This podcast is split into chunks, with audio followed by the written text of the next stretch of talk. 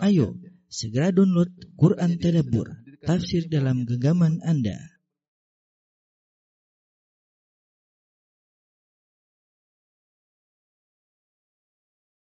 Bismillahirrahmanirrahim. Assalamualaikum warahmatullahi wabarakatuh. Alhamdulillahi ala ihsanih wa syukru lahu ala taufiqihi wa amtinanih wa asyhadu an la ilaha illallah wahdahu la syarika lahu ta'ziman li sya'nih wa asyhadu anna Muhammadan abduhu wa rasuluhu da'ila ridwanih Allahumma salli alaihi wa ala alihi wa ashabihi wa ikhwani.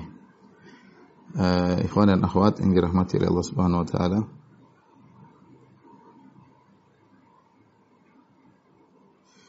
Bapak dan Ibu yang dirahmati Allah Subhanahu wa taala. Uh, Majelis Taklim The Nurs ya. Yang dimuliakan oleh Allah Subhanahu wa taala, kita melanjutkan bahasan kita tentang kaedah-kaedah dalam Al-Qur'an yang berkaitan dengan kehidupan sehari-hari ya. Dan insya Allah pada kesempatan kali ini kita akan bahas tiga kaidah. Uh, pada pertemuan pertama kita sudah bahas kaidah pertama, kedua dan ketiga. Pada pertemuan kali ini kita akan bahas kaidah keempat, kelima dan keenam. Ini semua kaidah-kaidah mulia dalam Al-Quran. Sebelum saya membacakan buku tersebut ya atau menjelaskan, saya harap kita sama-sama uh, berniat untuk bisa mengamalkan kaedah-kaedah yang bermanfaat ini. Karena hal ini akan mengaruhi kehidupan kita di dunia. Demikian juga akan memberi keberuntungan bagi kita di akhirat kelak. Allah Subhanahu wa taala berfirman inna hadzal qur'ana yahdi lillati hi aqwam. Sungguhnya Al-Qur'an memberi petunjuk kepada jalan yang uh, terbaik. Uh, oleh karenanya kaedah-kaedah yang diambil dari Al-Qur'an semuanya akan mengatur jiwa kita ya dalam menjalani kehidupan sehari-hari dengan keluarga, dengan istri dan anak-anak, dengan tetangga ya. Demikian juga bagaimana kita terhadap Allah Subhanahu wa taala. Maka hendaknya kita sama-sama perhatian dan berusaha mengamalkannya, menerapkannya dalam kehidupan sehari-hari. Kaidah yang berikutnya kaidah yang keempat yaitu dari firman Allah Subhanahu wa taala uh, dalam surat Al-Qiyamah ayat ke-14 dan ayat ke-15. Kata Allah Subhanahu wa taala, "Balil insanu ala nafsihi basira. Bahkan manusia itu dia tahu tentang dirinya. Walau alqa ma'adhira meskipun dia menyampaikan uzur-uzurnya, meskipun dia menyampaikan uzur-uzurnya ya. Ini ayat uh, atau kaidah ini ya.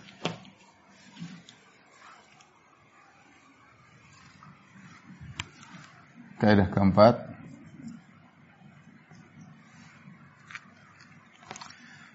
firman Allah Subhanahu wa taala balil insan ala nafsihi basir. Walau alqa ma'a dhira ya. Sungguhnya manusia itu bahkan manusia itu manusia lebih tahu tentang dirinya tentang uh, jiwanya Ya. Walau alqama adhira meskipun dia uh, mengutarakan uzur-uzur untuk membela dirinya.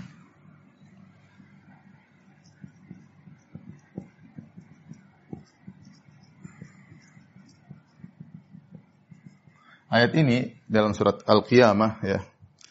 Pada dasarnya ya berkaitan dengan kondisi nanti pada hari kiamat kelak. Pada hari kiamat kelak ketika manusia dibangkitkan kemudian di hadapan Allah Subhanahu wa taala Allah bertanya kepadanya maka mereka menyampaikan uzur-uzur ya.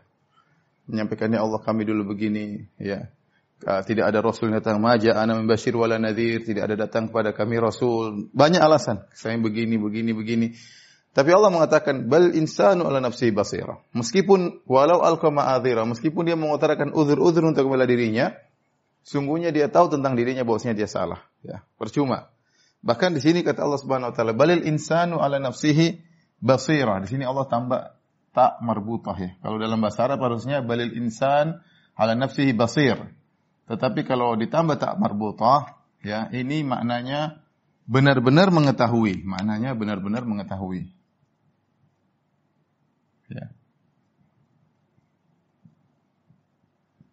Hanya ketika dia berucap, dia hanya berkilah, ya. padahal dia tahu betul tentang dirinya dan kondisi dirinya. Oleh karenanya eh, kaidah ini ya berkaitan dengan jiwa seseorang. Dan Allah Subhanahu wa taala menyuruh kita untuk mensucikan jiwa kita. Makanya dalam surat Asy-Syams Allah berfirman "Wasy-syamsi wa wal qamari idza talaha wan nahri idza jallaha wal laili idza yaghshaha was sama'i wa ma banaha wal ardi wa ma tahaha wa nafsi wa ma fa alhamaha fujuraha wa taqwaha qad aflaha man zakkaha." Allah bersumpah sekitar tujuh sumpah demi matahari, demi cahaya di waktu duha, demi rembulan yang mengiringi matahari, ya, demi siang yang menampakkan matahari, demi malam yang menutupi matahari. Kemudian Allah bersumpah, bersumpah, bersumpah sampai Allah mengatakan, Qad aflaha man zakkaha. Sungguh beruntung orang yang mensucikan jiwanya. Kita berta'amul, kalau kita bermuamalah dengan jiwa, kita harus jujur. Ya. Meskipun kita pandai berkilah, kita pandai ngomong, kita pandai uh, menyampaikan uzur, tapi kata Allah, balil insanu ala nafsihi basirah. Sungguhnya manusia itu lebih tahu tentang uh, dirinya. Tapi uh, penulis ya uh, menyampaikan beberapa penggunaan kaidah ini ya, beberapa penggunaan kaidah ini. Jadi kaidah ini lebih cenderung berkaitan dengan uh, bagaimana bermuamalah bermuamalah bermuamalah maksudnya mensikapi jiwa ya mensikapi jiwa sendiri. Ini kaidah saya rasa sangat penting. Uh, kita bersikap jujur terhadap diri kita sendiri sebelum kita jujur kepada orang lain. Jujur kepada diri sendiri sebelum jujur kepada orang lain. Di antaranya uh, apa prakteknya misalnya kata penulis berkaitan dengan bagaimana mensikapi dalil dalam mensikapi dalil-dalil ya Al-Qur'an maupun As-Sunnah. Al-Qur'an dan As-Sunnah. Kita kalau mau jujur ya, terkadang ada hadis mungkin mengatakan ini haram, ini tidak boleh, ada aturan harus begini, harus begini. Terkadang kita berat ya, terkadang kita kita berat ya. Kita harus jujur bahwasanya uh, kemudian kita berusaha mentakwil, kita berusaha menolak, kita berusaha kadang mengikuti pendapat yang tidak kuat ya. Padahal kita tahu betul ya bahwasanya ini pendapatnya lemah ya. Dan ini kita harus jujur karena uh, ketika mensikapi dalil, jiwa kita ya, jiwa kita terpengaruh dengan dua hal ya ada hawa nafsu dan ada kepentingan. Terkadang jelas banget bahwasanya dalilnya itu menunjukkan haram tapi kita berusaha tidak mengharamkan. Kita berusaha memakruhkan, kita berusaha berusaha memalingkan, eh, kita mempelintir perkataan para ulama. Kenapa? Karena tidak sesuai dengan hawa nafsu kita. Tidak sesuai dengan hawa nafsu kita. Hati-hati ya. Hati-hati ya. Jangan sampai misalnya kita tahu misalnya syariat mengharamkan musik, kemudian kita ah, ini ustadz ini bagus yang ini ini tidak haram. Padahal kita tahu secara kita jiwa kita tahu setelah kita menimbang dalil bahwasanya benar-benar ini haram. Tetapi karena kita ikut hawa nafsu kita akhirnya kita milih pendapat yang yang marjuh, yang syadz, yang di menyelisih ijma, oh ini boleh ya. Padahal kita tahu haram. Jujurlah pada jiwa jiwa kita. Misalnya juga dalam masalah kepentingan, ya kita mungkin ada masalah muamalah, kita ada perdagangan, kemudian kita cari-cari celah mana, pilih pendapat yang sesuai dengan hawa nafsu kita. Oh ini ulama ini membolehkan, riba boleh, tidak apa-apa. Oh ada, ada yang bilang boleh, ustadz ada yang bilang boleh, udah, ustadz ini lebih benar, ustadz ini lebih bijak. Kita bukan masalah bijak-bijak, tapi sesuai dengan hawa nafsu kita, sesuai dengan kepentingan kita. Di sinilah uh, Allah berfirman, balil insanu ala nafsihi basirah. Setiap manusia lebih jauh tentang jiwanya. Walau alqama azira meskipun dia utarakan dalil-dalilnya, kilah-kilahnya dia sampaikan tapi dia tahu sebenarnya jiwanya condong bahwa ini hukumnya haram. Ini hukumnya begini, dia tahu ini hukumnya tidak boleh. Tapi ketika dia bermuamalah, bersikap dengan nusus, dengan khilaf kalangan para ulama atau pendapat-pendapat yang nyeleneh, dia lebih mendahulukan ya, e, nafsunya dan dia tidak jujur dengan jiwanya. Padahal dia tahu bahwa itu tidak tidak diperbolehkan. Ini hati-hati ya. Jangan sampai kita mentarjih memilih pendapat dengan hawa nafsu kita. Kemudian di antara uh, prakteknya uh,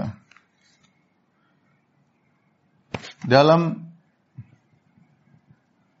mengurusi aib sendiri, aib-aib sendiri,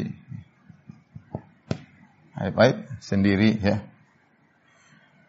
sehingga agar lalai dari aib orang lain.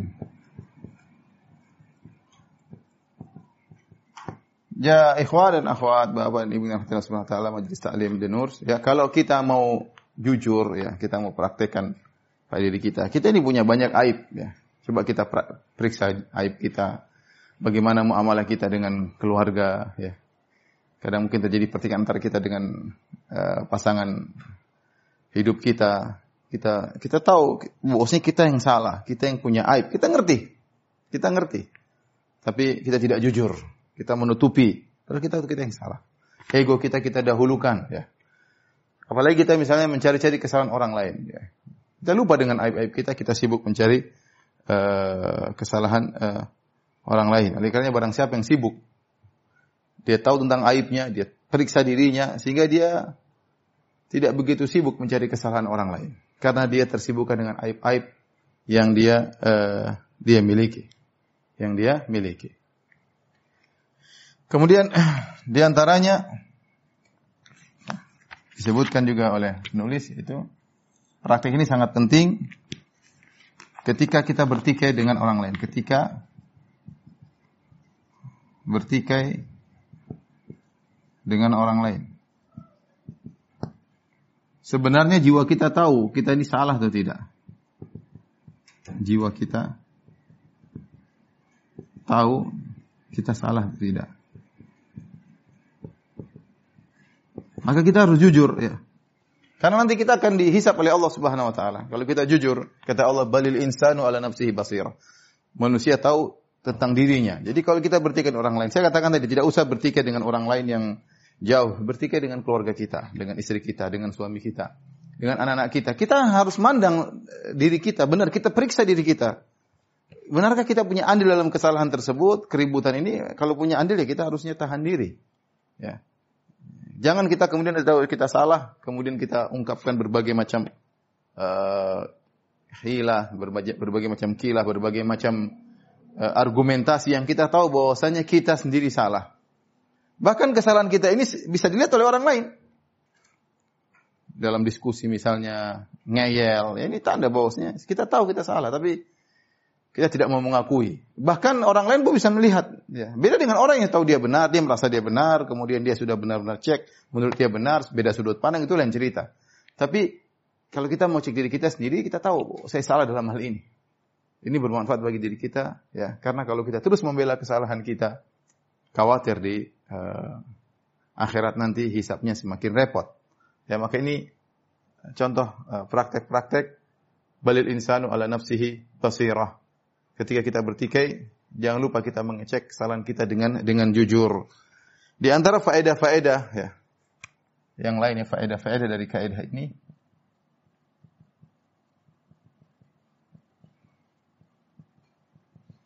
Di antaranya disebutkan oleh penulis ya. E, pertama, jangan terpedaya. Dengan pujian manusia. Atau banyaknya pengikut.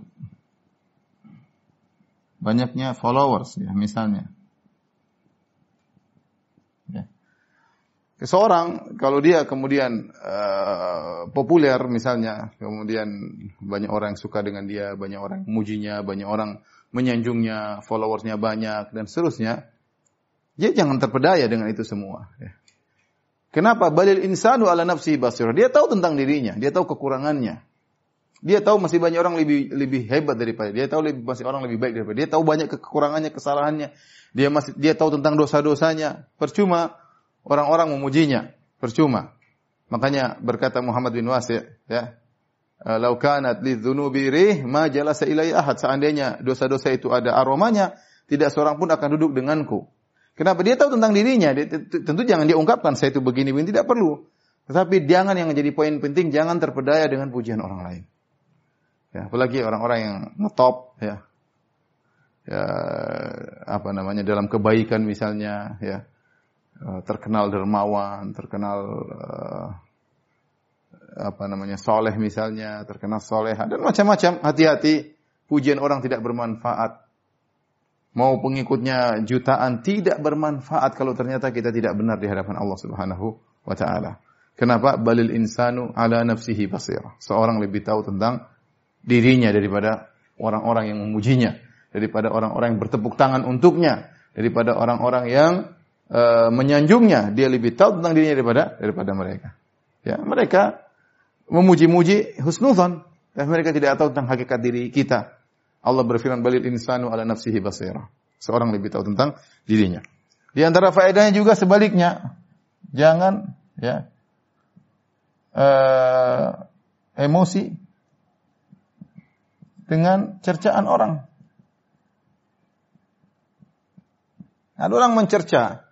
Kalau cercaannya benar, ya sudah. Berarti itu di antara aib kita yang diketahui oleh mereka. Ya sudah. Apa yang apa yang yang yang kita tahu tentang diri kita lebih buruk daripada apa yang mereka tahu. Makanya saya ingat ketika ada seorang datang ke Syekh Abdul Razak ya. Kalau tidak salah orang Sudan, dia datang kepada Syekh Abdul Razak hafizahullah taala. Dia berkata, "Syekh, uh, fulan mengatakan engkau begini begini begini." Maka Syekh diam kemudian saya bilang sama dia, "Ya akhi, yang dia tahu tentang saya baru sedikit. Masih banyak yang dia tidak tahu." Sudah dia tidak Syekh tidak membela diri. Syekh tidak ini yang dia tahu masih sedikit ya. Yang dia tidak tahu masih lebih banyak. Orang tersebut kemudian menangis ya dengar jawaban Syekh tersebut. Maksud saya, itulah orang caci maki. Kalau caci makiannya benar, ya sudah. Kita ambil, kita introspeksi diri, kita perbaiki. Ya. Karena orang caci maki, ada yang niatnya baik, ada yang niatnya buruk, kebanyakan niatnya buruk. Kalau caci makiannya salah, tidak perlu kita umbar ya. Kenapa kamu begini? Sudahlah, terserah dia mau nilai apa. Yang penting balil insanu ala nafsi basira. Seorang tahu tentang dirinya. Mau dibilang orang ini pelit kalau dia dermawan ya, tidak usah pedulikan. Mau dibilang orang ini uh, tidak peduli dengan masyarakat, jangan peduli. Allah lebih tahu tentang kita lebih tahu tentang diri kita, ya. Allah tentu lebih tahu, tapi Allah mengajarkan kepada kita kita bisa menilai diri kita. Balil insanu ala nafsihi basira. Oleh karenanya Uh, jangan sedikit-sedikit ada orang ini kemudian bikin uh, pertemuan dengan para uh, bikin pernyataan lah, sedikit-sedikit dicela bikin pernyataan lah. Mau sampai kapan begitu? Menunggu semua orang manusia di dunia memuji kita, ya, memuji kita, ya. ya orang biarin saja. Ya, yang penting kita berusaha. Kalau memang kita berusaha dekat dengan Allah, kalau kita salah perbaiki diri.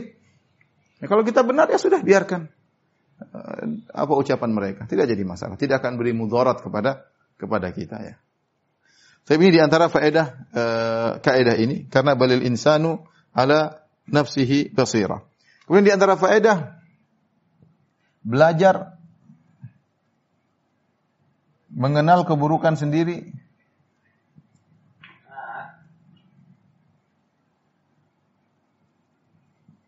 mengenal keburukan sendiri dan berusaha memperbaikinya.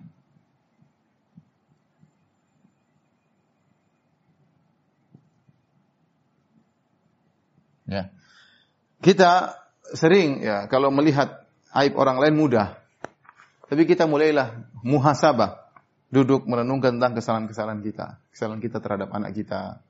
Zohirnya anak kita salah, tapi mungkin ada kita kesalahan di situ.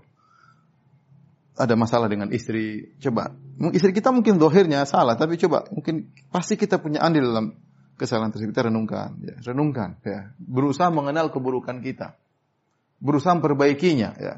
Kenapa kalau kita mau ngecek dengan dengan benar-benar pengecekan, ya kita mau screening dengan benar screening, mau scan dengan benar scan, kita akan dapati keburukan-keburukan kita. Karena Allah sudah menyatakan, balil insanu ala nafsihi basira. Seorang tahu tentang aib-aib dirinya sudah pasti Allah sudah bilang. Ya, kalau dia mau periksa dia akan dapati. Ya, jangan sedikit-sedikit kemudian melemparkan kesalahan kepada orang lain. Masalah melemparkan kesalahan kepada orang lain. cek, kita tahu tentang kesalahan-kesalahan diri kita, aib-aib diri kita dan kita berusaha memperbaiki diri. Ya, ini pernah disampaikan di penulis menukil uh, dalam qaid Qur'aniyah itu, dia menukil perkataan Ibnu Hazm rahimahullah taala yang berusaha mengenal keburukan-keburukannya kemudian berusaha memperbaikinya dengan perjuangan. Contoh, kita kenal diri kita, saya pelit atau tidak? Kita bisa cek. Oh, saya pelit, buktinya istri saya saya jarang belikan, anak istri belikan, sama orang tua pelit, sama tangga pelit. Cek, berusaha lawan. Saya orangnya suka murah senyum atau suka cemburut wajahnya. Cek, kita bisa cek. Saya ini suka cemburut, benar. Orang tidak ada yang ketemu saya, tidak ada yang nyaman. Ya. Orang ketakutan lihat saya. Atau saya ini mungkin terkesan sombong. Iya, cek. Iya, benar saya cuek. Kalau ketemu orang saya tidak sapa. Misalnya, ya ini kita bisa cek. Tinggal kita berniat mau scan diri kita atau tidak. Kalau tidak ya kita jalan saja. Tapi kalau kita mau scan diri kita tentang aib-aib diri kita, kita mampu. Ya. Kenapa? Karena Allah berfirman, balil insanu ala nafsihi basira. Karena manusia itu tahu tentang uh, dirinya. Ya. Kemudian uh, di antaranya faedah dari kaidah yang disebut oleh penulis yaitu belajar kalian tadi belajar kekurangan-kekurangan, mengenal keburukan atau kekurangan diri ya. Ini berkaitan dengan kekurangan diri. dalam bermuamalah. Yang berikutnya belajar mengakui dosa-dosa di hadapan Allah.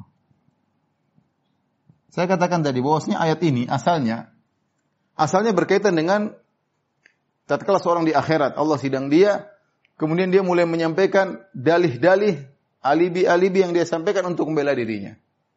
Ya, maka sebelum kita terjebak di akhirat, kita membela diri kita padahal kita, kita tahu kita salah, mending kita mengakui kesalahan kita di dunia, duduk merenungkan dosa-dosa kita. Bagaimana status-status yang saya tulis? Bagaimana komentar-komentar saya? Eh, bagaimana pandangan mata saya? Bagaimana pendengaran saya? Kita mulai mulai memeriksa sedikit demi sedikit. Sebelum kita bertemu dengan hari tersebut, hari kita disidang oleh Allah Subhanahu wa taala. Kalau kita tahu dosa-dosa kita mulai kita akui, ya Allah ampuni, Rabbi ghufirli, Allah ampuni aku. Ya. Abu ulaka bi ni'matika la Abu bi dzambi. Setiap pagi sore kita mengatakan Abu bi dzambi, aku mengakui dosa-dosaku ya Allah. Kita ucapkan dengan benar-benar benar-benar dengan penghayatan. Ini eh, kaidah bersikap dengan jiwa ya. Eh, bermuamalah dengan jiwa sendiri sebelum kita bermuamalah dengan orang lain bermuamalah dengan jiwa dengan cara yang benar, apa pun penilaian orang jangan pedulikan, kita yang lebih tahu tentang diri kita. Balil insanu ala nafsihi basirah. Sungguhnya manusia lebih tahu tentang dirinya. Ini kaidah pertama, insya Allah kita lanjut kaidah yang kedua. Taib, uh, ikhwan dan akhwat yang dirahmati Allah Subhanahu wa taala, uh, itu tadi kaidah yang pertama penting bagi kita jujur dengan diri sendiri dalam menghadapi dalil, dalam memilih pendapat ya ketika kita bertikai dengan orang, ya, ketika bermasalah dengan keluarga, ya, ya, menghadapi pujian orang, menghadapi cacian orang, ingat, balil insan ala nafsihi basirah. Kita lebih tahu tentang diri kita, Allah yang bilang. Maka jangan terpedaya dengan segala hal, jangan berusaha membela diri sementara kita tahu kita uh, salah. Kaidah yang kedua yang juga sangat penting, ya ini berkaitan dengan firman Allah Subhanahu wa taala wa qad khaba man iftara. Sungguh merugi orang yang berdusta. Ayat ini terdapat dalam surat Toha ayat 61. Wa qad khaba man iftar. Ini kaidah yang kelima, ya. E, kaidah ini datang dalam kisah duel antara Nabi Musa dengan para penyihir Firaun, ya. Ketika e, Nabi Musa ditantang oleh Firaun, kemudian Nabi Musa berkata, Qala mau'idukum yaumuz zinati wa ayyuhsyaran nasu duha. Sungguhnya janji pertemuan kita untuk berduel wahai Firaun, Nabi Musa berkata yaitu tatkala hari raya wa an yuhsyarun nasu duha tatkala di waktu duha tatkala orang-orang semua berkumpul, lagi rame-ramenya lagi sibuk-sibuknya di hari raya. Fatawalla Fir'aunu fajama'a kaidahu thumma ata. Kemudian Fir'aun berpaling, kemudian dia mengumpulkan makarnya, dia kumpulkan penyihir-penyihirnya, Ya, kemudian dia datang, dia datangkan para penyihir untuk berduel dengan Nabi Musa yang sendirian. Maka ketika sebelum berduel, Nabi Musa menasehati para penyihir tersebut. Kata Nabi Musa, qala lahu Musa, "Wa ilakum la taftaru 'ala Allahi kadhiban fayushitakum bi'adzab." Kata Nabi Musa, celakalah kalian wahai para penyihir. Jangan kalian berdusta atas nama Allah Subhanahu wa taala. Fayushitakum bi'adzab, maka sungguhnya Allah akan membinasakan kalian dengan azab. Wa qad khaba man iftara. Sungguh merugi orang yang berdusta. Fatanaza'u amrahum bainahum asarun najwa. Ketika Nabi Musa memberi nasihat, mereka jadi diskusi, mereka jadi bimbang di antara mereka. Nabi Musa kasih nasihat kepada mereka, wa qad khaba man iftara. Maka sungguh merugi orang yang berdusta. Al-Imam Ibnu Qayyim rahimahullahu taala uh, ketika membicarakan tentang kaidah ini sungguh merugi orang yang uh, berdusta, kata Ibnu Qayyim, dhamina subhanahu annahu la budda an yukhayyiba ahlal iftira wa la yahdihim. Allah telah menjamin dalam ayat ini Allah menjamin bahwasanya orang yang pendusta Allah tidak akan memberikan dia uh, keberuntungan ya. Allah pasti membuat dia kerugian, memberikan kerugian kepadanya. Wala yahdihim dan Allah tidak akan beri petunjuk kepadanya. Ya, ini uh, perkataan Ibnu Qayyim rahimahullahu taala. Dan uh, dusta ya uh, datang dalam syariat atau iftira datang dalam syariat bisa bermakna dusta, bisa bermakna syirik, bisa bermakna al-zulm ya. Kita lanjutkan kaidah berikutnya, kaidah kelima.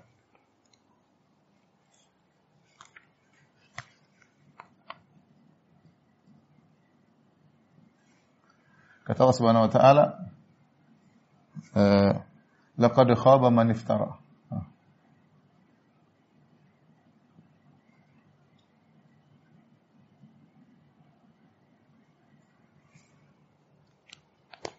Waqad khaba man iftara.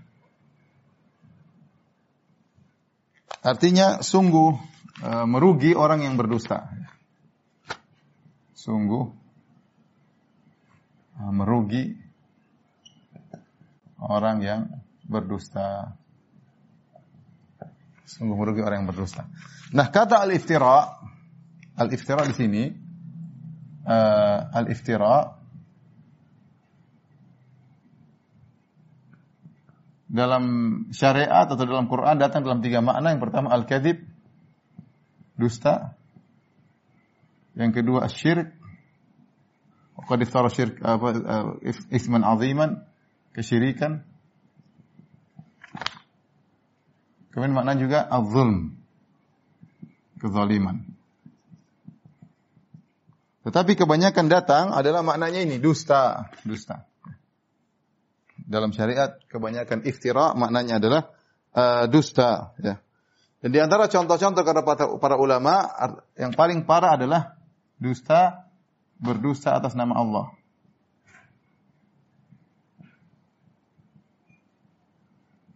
Ya. Yang kedua misalnya uh, berdusta atas nama Nabi. Dan tentu mencakup juga berdusta berkaitan dengan dengan hak orang lain. Intinya kita berusaha menjauhi dosa sebagaimana sebisa mungkin karena dusta itu mendatangkan kerugian. Waqad khaba ya maniftara, sungguh merugi orang yang berdusta. Makanya dikatakan oleh para ulama as-sidqu manja, bahwasanya kejujuran adalah keselamatan. Meskipun kelihatannya kejujuran membuat orang terpuruk, tapi yakin kejujuran itu keselamatan. Taruhlah seorang tidak selamat dunia, dia akan selamat di akhir. Yang penting jujur. Sebaliknya, iftira, dusta, ya kadhib, dusta, kelihatannya mungkin menyelamatkan, membawa keberuntungan di dunia, tetapi sungguhnya dia akan mendapatkan kerugian di dunia sebelum di akhirat. Dan dalil ini terlalu banyak akan hal ini. Ya. Seperti contoh dalam perdagangan kata Nabi wasallam, ya, wa in kadzaba wa katama muhiqat barakatu bai'ihima. Kalau mereka menyembunyikan aib barang dan mereka berdusta, akan dicabut keberkahan dari perdagangan mereka. Kelihatannya sih beruntung, ya, tapi ingat bahaya ini semua berdusta mendatangkan kerugian. Baik berusaha nama Allah bahaya, berusaha nama Nabi demikian juga berkaitan dengan hak hak orang lain ya. Uh, saya bacakan Ayat-ayat contoh yang berkaitan dengan berdosa nama Allah Subhanahu wa taala. Seperti firman Allah dalam surat Al-An'am ayat 93. Kata Allah Subhanahu wa taala, "Wa man azlamu mimman iftara 'ala Allahi kadziban." Dan siapa yang lebih zalim dari orang yang berdosa atas nama Allah Subhanahu wa taala? Ya.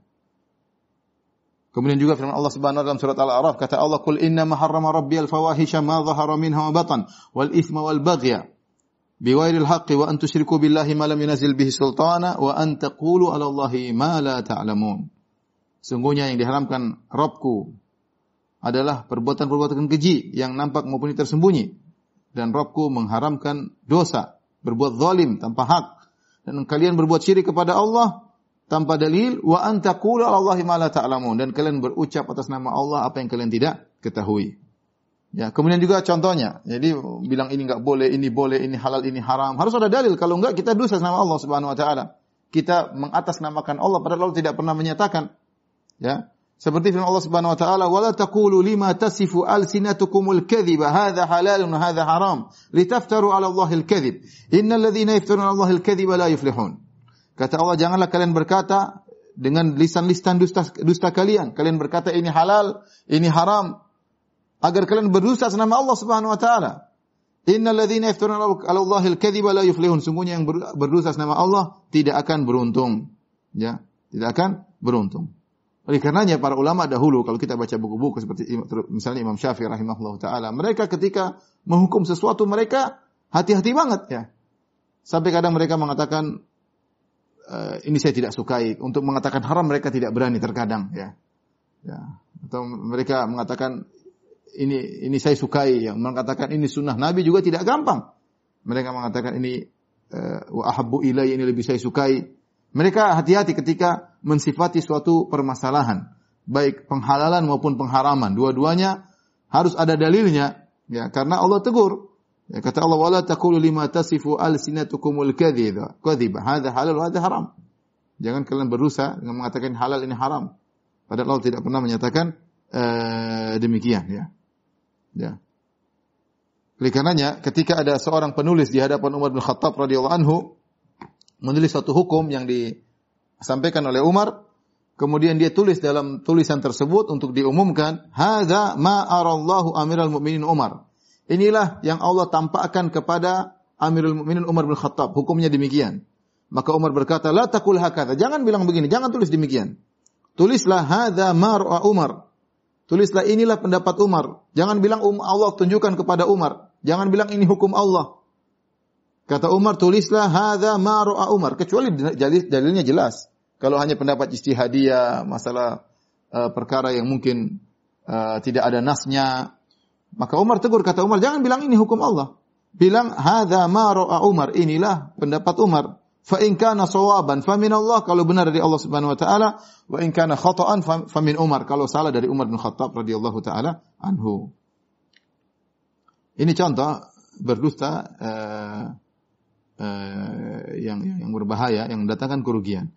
Contohnya disebut oleh penulis juga tentang di antara dusta yang berbahaya berdosa atas nama Nabi Shallallahu Alaihi Wasallam seperti membuat hadis-hadis dusta dan ini banyak dilakukan oleh eh, orang-orang uh, yang niatnya baik ya dia ingin memberi motivasi kepada masyarakat untuk melaksanakan amalan-amalan tertentu namun dengan dusta ini tidak boleh ya Man kadzaba alayya muta'ammidan falyatabawa maka ada minar barang saya berusaha atas namaku siapkan tempat dunia di neraka. Dan Allah telah mengatakan wa qad khaba man iftara. Sungguh merugi orang yang berdusta. Ya, ini harus dipasang dalam kita boleh kita nggak boleh asal ngomong. Apalagi muncul kemudian di medsos bicara ini bicara anu, wah ini ini ini hati-hati. Ya. Berusaha atas nama Nabi wasallam ya. Uh, bilang Nabi ngomongin padahal tidak, bahkan sengaja melakukannya maka ini waqad khaba dan uh, sungguh merugi orang-orang yang uh, berdusta. Apalagi di zaman sekarang, di zaman medsos, kedustaan sangat mudah tersebar melalui WA, ya, melalui Facebook, melalui Instagram. Nabi ngomong gini padahal hadisnya dusta, ya, disandarkan kepada padahal tidak ada dalilnya, cerita-cerita dan banyak di Indonesia saja banyak. Saya betapa sering dapat ditanya Ustaz apa benar ini hadis ini? Ternyata hadis dusta. Tersebar. Orang mungkin niat baik ternyata ikut menyebarkan dusta wa qad khaba man iftara dan sungguh beru, du, uh, apa namanya merugi orang yang berdusta. Ya, sungguh merugi orang yang yang berdusta. Uh, penulis di sini ya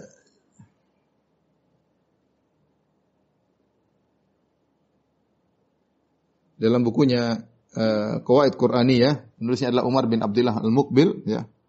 Dia menyebutkan beberapa contoh tentang kerugian yang dilakukan oleh orang-orang yang uh, berdusta dengan berbuat zalim kepada orang lain ya. Dusta ini terkadang menimbulkan kezaliman kepada orang lain ya. Ada beberapa cerita disebutkan tiga cerita. Cerita yang pertama uh, adalah cerita yang tersebut dalam kitab Tahdhibul Kamal jilid 1 halaman 511 tatkala uh, Al-Mutawakkil menjadi khalifah, Khalifah Al-Abbasi, maka dia ditemui oleh seorang bernama Abdul Aziz bin Yahya Al-Kinani. Abdul Aziz Al-Kinani berkata, "Ya Amirul Mukminin, maru maru iya a'jab min amril wasik." Tidak ada perkara yang lebih menakjubkan dari perkara Al-Wasik.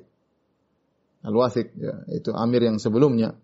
Qatala Ahmad bin Nasr wa kana lisanuhu yaqra'ul Qur'ana ila andufin. Bagaimana Al-Wasik bisa membunuh Ahmad bin Nasr, yaitu seorang ulama. Sementara Ahmad bin Nasr selalu membaca Al-Quran.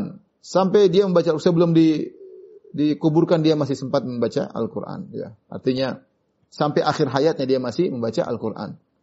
Bagaimana Al-Wasik bisa membunuh orang seperti ini? Maka Al-Mutawakkil ketika mendengar uh, perkataan Abdul Aziz Al-Kinani, maka dia mendapati dirinya sedih. Karena saudaranya Al-Wasik ini saudaranya yang khalifah sebelumnya. Kemudian tiba-tiba masuk Muhammad bin Abdul Malik Az-Zayyad. Maka dia berkata, "Ya Ibnu Abdul Malik, wahai Zayyad, fi qalbi min qatli Ahmad bin Nasr, aku merasa ganjal ya, mengganjal tentang bagaimana Al-Wasik saudaraku membunuh Ahmad bin Nasr sementara Ahmad bin Nasr selalu baca Al-Qur'an bahkan sebelum meninggal baca Al-Qur'an. Maka orang ini berkata, Az-Zayyad, "Ahraqani ahraqani Allahu bin nari in qatalahu amirul mu'minin al-wathiq illa kafiran. Jangan kau pikirkan. Sungguhnya Ahmad bin Nasr telah dibunuh sebagai orang kafir. Telah dibunuh oleh saudaramu Al-Wathiq Amirul Mukminin sebelum engkau. Dia telah membunuhnya karena memang dia kafir. Kalau dia tidak kafir, Allah akan membakar diriku. Memang dia kafir pantas dibunuh. Kalau dia tidak kafir, Allah akan bakar diriku. Tetapi dia masih mengganjal, mutawakil masih mengganjal. Kemudian dia ketemu lagi orang bernama Harthama. Dia berkata, "Ya Harthama, Aku merasa mengganjal tentang sikap adikku atau saudaraku yang membunuh Ahmad bin Nasr sementara dia rajin ibadah dan yang lainnya. Maka Harsama dia menjilat dia berkata, "Ya Amirul Mukminin." Ini semua penjilat. Jangan jangan khawatir. Qatta'ani Allahu irban irban in qatalahu Amirul Mukminin wasiq ila kafiran. Ahmad bin Nasr itu kafir, maka pantas untuk dibunuh. Kalau dia tidak kafir, Allah akan memotong badanku apa? Dicincang-cincang oleh Allah Subhanahu wa taala. Supaya kemudian dia masih belum tenang. Dia ketemu lagi orang ketiga Ahmad ibnu Abi Du'a, tokoh Mu'tazilah. Ya. Dia berkata, ya Ahmad, fi qalbi min qatli Ahmad bin Nasr. Aku masih ragu tentang bagaimana saudaraku Al-Wasik membunuh Ahmad bin Nasr sementara ahli ibadah. Maka Ahmad bin Abi Du'ad berkata, Wahai Amirul Mukminin, Dharabani Allah in qatalahu Amirul Mukminin al-Wasik illa kafiran. Sungguh Allah akan memukulku ya kalau seandainya dia tidak kafir ketika dibunuh. Sungguhnya Ahmad bin Nasr itu kafir ketika dibunuh. Ini mereka semua ini bohong, menjilat kepada mutawakil padahal Ahmad bin Nasr seorang yang soleh yang tidak berhak untuk dibunuh, rajin baca Quran. Ya, bahkan sebelum meninggal baca Quran. Maka kemudian apa yang terjadi? Ya, Al Mutawakil berkata, fa amma Zayyad fa ana ahraqtuhu bin nar. Adapun Zayyad, akhirnya aku membakar dia. Ya, membakar dia. Ya. Kenapa? Mungkin ada kesalahannya yang buat dia dibakar. Dia dusta, akhirnya dia dibakar. Wa amma harthamah, adapun harthamah yang tadi bilang kalau dia enggak kafir saya akan dipotong oleh Allah ya. Dicincang. Ternyata dia pergi bermasalah dia pun kabur kemudian ditangkap oleh kabilah Khuza'ah. Ya, kemudian ada salah seorang kenal dia ya. Dia mengatakan, "Ini tadi ini orang ini ikut membunuh Ahmad bin Nasr." Akhirnya mereka memotong dia dengan uh, dicincang oleh mereka. Ya. Doa dia terkabulkan. Adapun Ahmad bin Abi Du'ad maka dia pun dipenjara gara-gara dan di dicambuk gara-gara kesalahannya. Ini contoh bahwasanya hati-hati seorang jangan berdosa meskipun hanya menjilat, jangan sudah. Jujur dalam berkata, jujur dalam tulisan, jujur dalam komentar, jujur jujur dalam status, jangan ditambah-tambahin, jangan ya uh, hiperbola dalam menyampaikan, jangan lebay. Ya. Seorang uh, seorang berusaha ya uh, menyampaikan dengan benar. Kemudian juga di antara cerita yang disampaikan oleh penulis Syekh Mukbil ya. Hafizahullah taala. Kisah tentang seorang uh, wanita, dia adalah guru mengajar di universitas dan dia menyesal dan dia tulis tentang kisahnya ya tanpa menulis namanya. Intinya dia dicerai dua kali, wanita ini dicerai dua kali. Ya, kemudian dia melakukan kezaliman dengan berdusta. Dia cerita ini terjadi tujuh tahun sebelum saya tulis kisahku ini. Setelah saya dicerai dua kali, maka saya ingin menikah dengan salah seorang dari kerabatku. Ya, kerabatku itu sudah punya istri. Dia dan dia hidup dengan tenang dengan istrinya. Salah satu kerabatku sudah hidup tenang dengan istrinya. Anak mereka ada lima. Maka saya sepakat dengan sepupuku.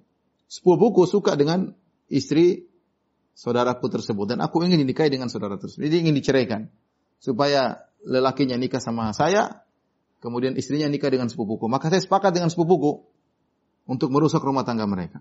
Ya. Maka kami pun membuat cerita-cerita, isu-isu, intinya istrinya tertuduh bahwasanya dia telah selingkuh. Akhirnya kami pun membuat isu-isu tersebar di antara kerabat-kerabat kami, keluarga besar, sampai berlalu dengan waktu, akhirnya kami berhasil. Akhirnya keluarganya pun hancur. Bohong, bikin bohong, bikin berita bohong. Akhirnya keluarga wanita ini hancur. Akhirnya selesai dengan perceraian. Namun apa yang terjadi?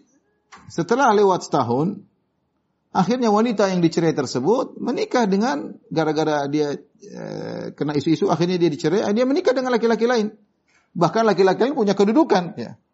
Adapun kerabat yang ingin aku menikah dengannya, ternyata dia menikah dengan perempuan lain, bukan aku. Ya. Akhirnya aku tidak mendapatkan apa-apa. Kemudian sepupuku yang kami sepakat untuk bikin dusta, ingin menikah dengan wanita, ternyata tidak dapat apa-apa juga. Ternyata ya uh, dia terkena apa namanya uh,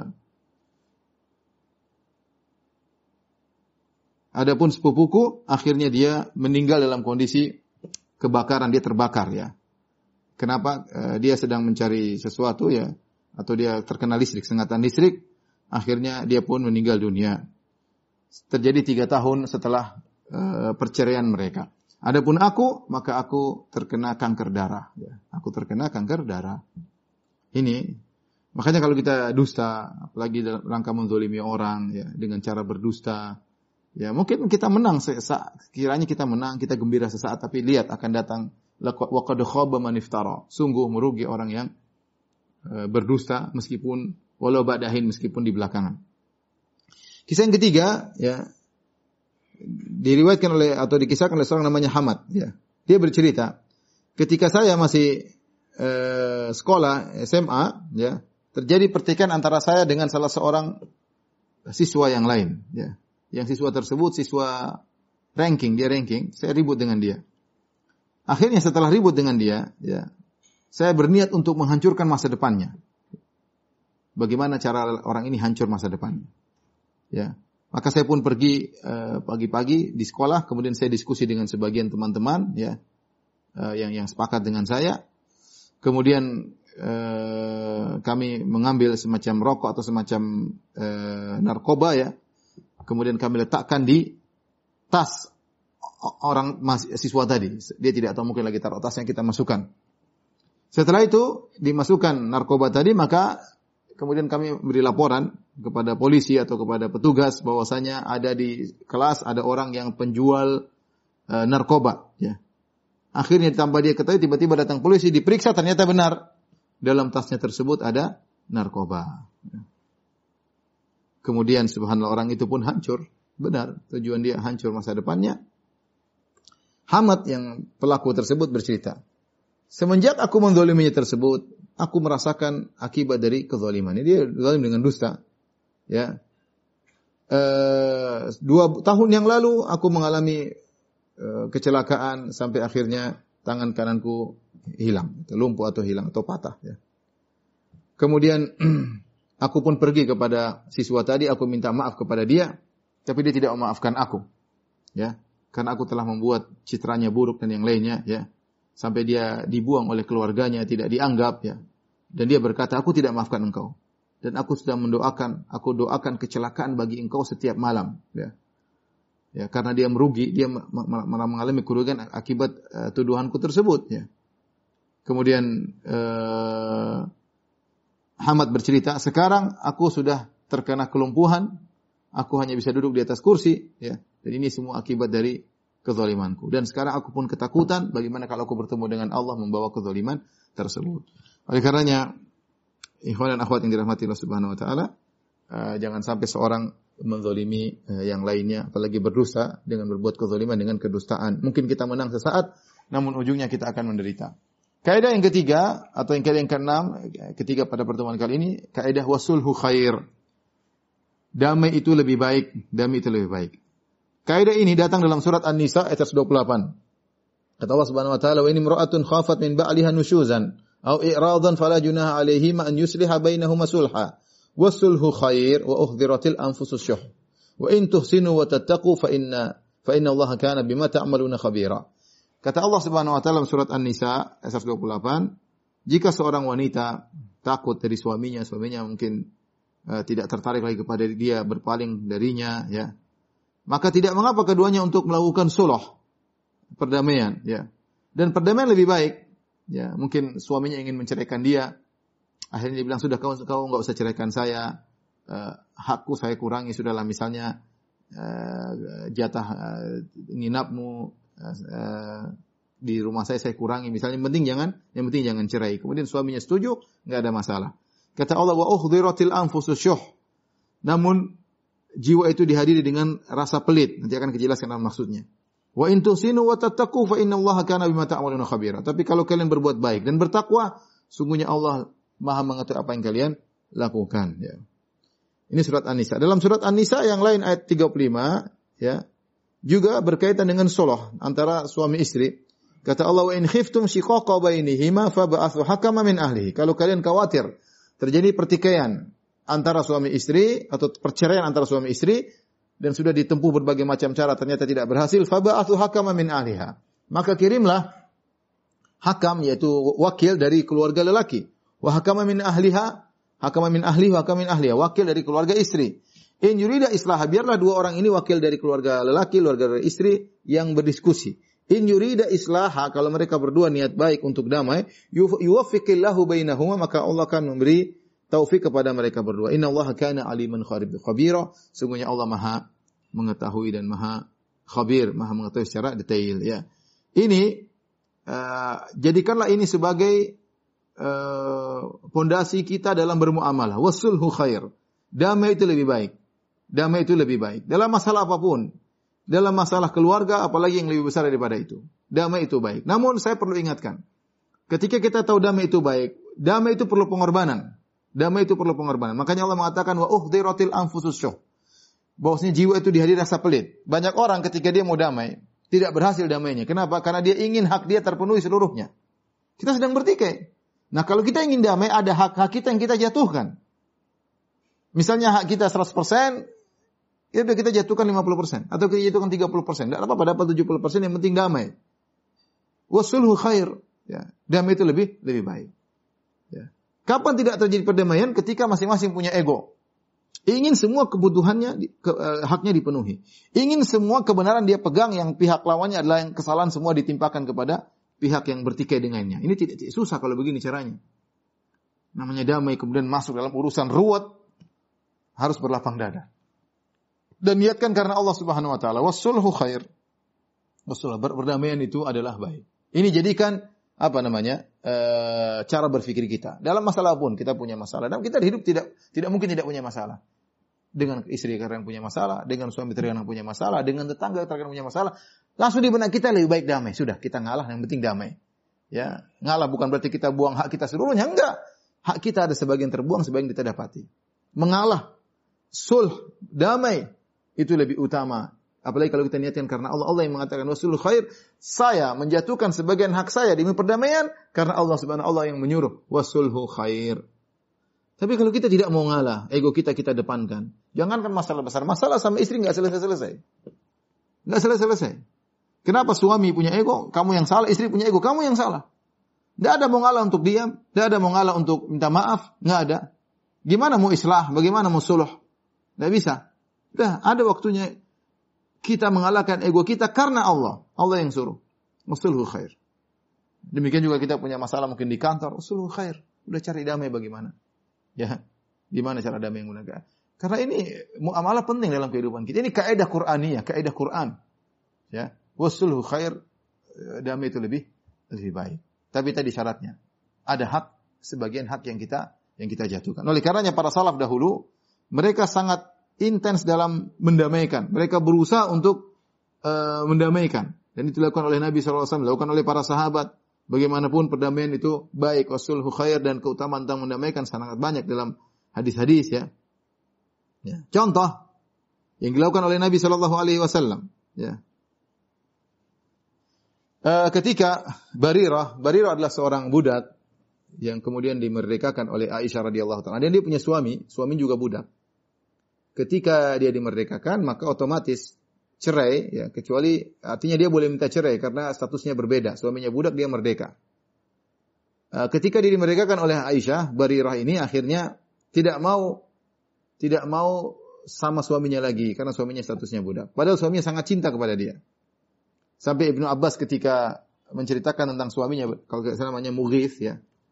Ya laka'anni bihi fit turuqil Madinah wa nawahiha Wa inna dumu'ahu latasilu ala lihyatihi. Seakan-akan aku melihat suaminya Mughith ketika istrinya berpisah. Dia berjalan di sebagian jalan-jalan kota Madinah sementara air matanya mengalir membasahi janggotnya, membasahi jenggotnya. Ya taradhaha dia mengatakan kepada istrinya, "Kembalilah kepadaku, pilihlah aku." Falam tafal istrinya tidak mau karena istrinya sudah merdeka, statusnya berubah. Akhirnya Rasulullah SAW ingin mendamaikan, Rasulullah SAW berusaha.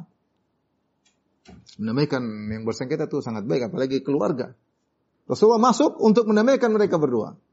Maka Rasulullah SAW berkata kepada Barirah, yang baru saja berubah status dari budak menjadi wanita merdeka karena dibeli atau dibayar oleh Aisyah radhiyallahu anha. Lau raja'tihi, lau raja'tihi, ya wahai Barirah, bagaimana kalau kau kembali kepada suamimu? Qalat, maka Barirah berkata, "Ya Rasulullah, ta'muruni." Ini perintah kayak Rasulullah.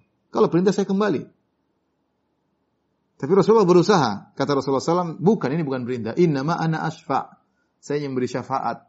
Siapa tahu kau bisa balik sama suamimu. Kata Barirah, la hajat li fihi. Aku tidak butuh kembali kepada suamiku. Tapi maksud saya, meskipun tidak berhasil, ya Rasulullah SAW berusaha. Rasulullah SAW berusaha. Ya, ini kita sudah pernah kajian khusus tentang masalah soloh. Ya. Di antaranya eh, hadis-hadis Rasulullah SAW juga mendengar ada sebagian sahabat bertengkar sampai lempar-lemparan dengan batu di Kuba Rasulullah SAW segera pergi. Kata Rasulullah SAW, idhabu bina nuslihu bainahum. Ayo kita pergi ke sana, kita damaikan sebagian kawan-kawan kita bertengkar. Rasulullah datang, tanpa disuruh datang, mendamaikan mereka. Sampai Rasulullah SAW terlambat sholat. Terlambat sholat ya. Abu Bakar sudah jadi imam, Rasulullah SAW masuk belakangan. Tapi intinya, begitu pentingnya perdamaian, sampai Rasulullah SAW melakukan. Bahkan sebenarnya berfatwa, kalau kita mendamaikan orang, kita harus keluarkan duit, mungkin biaya untuk mendamaikan ini, kita butuh biaya untuk mungkin ajak mereka makan untuk apa damai, kalau ternyata uang kita habis, boleh pakai uang zakat, nggak ada masalah. Boleh pakai uang zakat untuk islah. Mendamaikan di antara kaum muslimin. Apalagi kalau perdamaian tersebut di antara kabilah, ini butuh biaya. Suku ini dan suku ini butuh biaya, maka itu boleh pakai uang zakat. Karena islah di antara kaum ini sangat penting. Skala kecil maupun skala skala besar. Ya. Kemudian contohnya Ibnu Abbas radhiyallahu taala anhuma ketika uh, orang-orang Khawarij ya jumlahnya ribuan memberontak kepada Ali bin Abi Thalib maka kemudian Ali bin Abi Thalib mengutus Ibnu Abbas untuk berdiskusi dengan mereka. Ya, akhirnya banyak dari mereka sadar, entah 2000, 3000, saya lupa bilangannya, tapi ribuan sadar gara-gara dialog dengan Ibnu Abbas, Ibnu Abbas ingin mendamaikan. Tapi intinya eh, pasangan dalam, dalam benak kita wasulhu khair, bahwasanya damai itu lebih baik. Hidup tenang, tidak ribut, ada sebagian hak kita dijatuhkan, nggak ada masalah, kita akan hak kita kalau kita didolimi akan kita ambil di akhirat. Jangan khawatir. Kita ngalah, yang penting kita hidup damai, tenang, kita bisa fokus pada pekerjaan kita lebih bermanfaat daripada kita masuk dalam pergulatan pertikaian, baik dalam pertikaian dalam uh, eh, WA, dalam pertikaian dalam grup, uh, dalam Facebook, uh, ngabis waktu, habisin waktu, apalagi pertikaian dengan orang terdekat dengan kita. Wallahu alam bisawab. Ini saja yang bisa saya sampaikan pada kesempatan kali ini tiga kaidah. Insya Allah kita lanjutkan tiga kaidah pada kesempatan yang lain. Tapi demikian saja uh, ikhwan-ikhwan dan akhwat uh, Majelis Taklim Denur ya pengajian kita pada kesempatan kali ini. Insya Allah kita lanjutkan pada pertemuan berikutnya. Kurang lebihnya saya mohon maaf. Subhanakallah bihamdik asyhadu alla ilaha anta Assalamualaikum warahmatullahi wabarakatuh.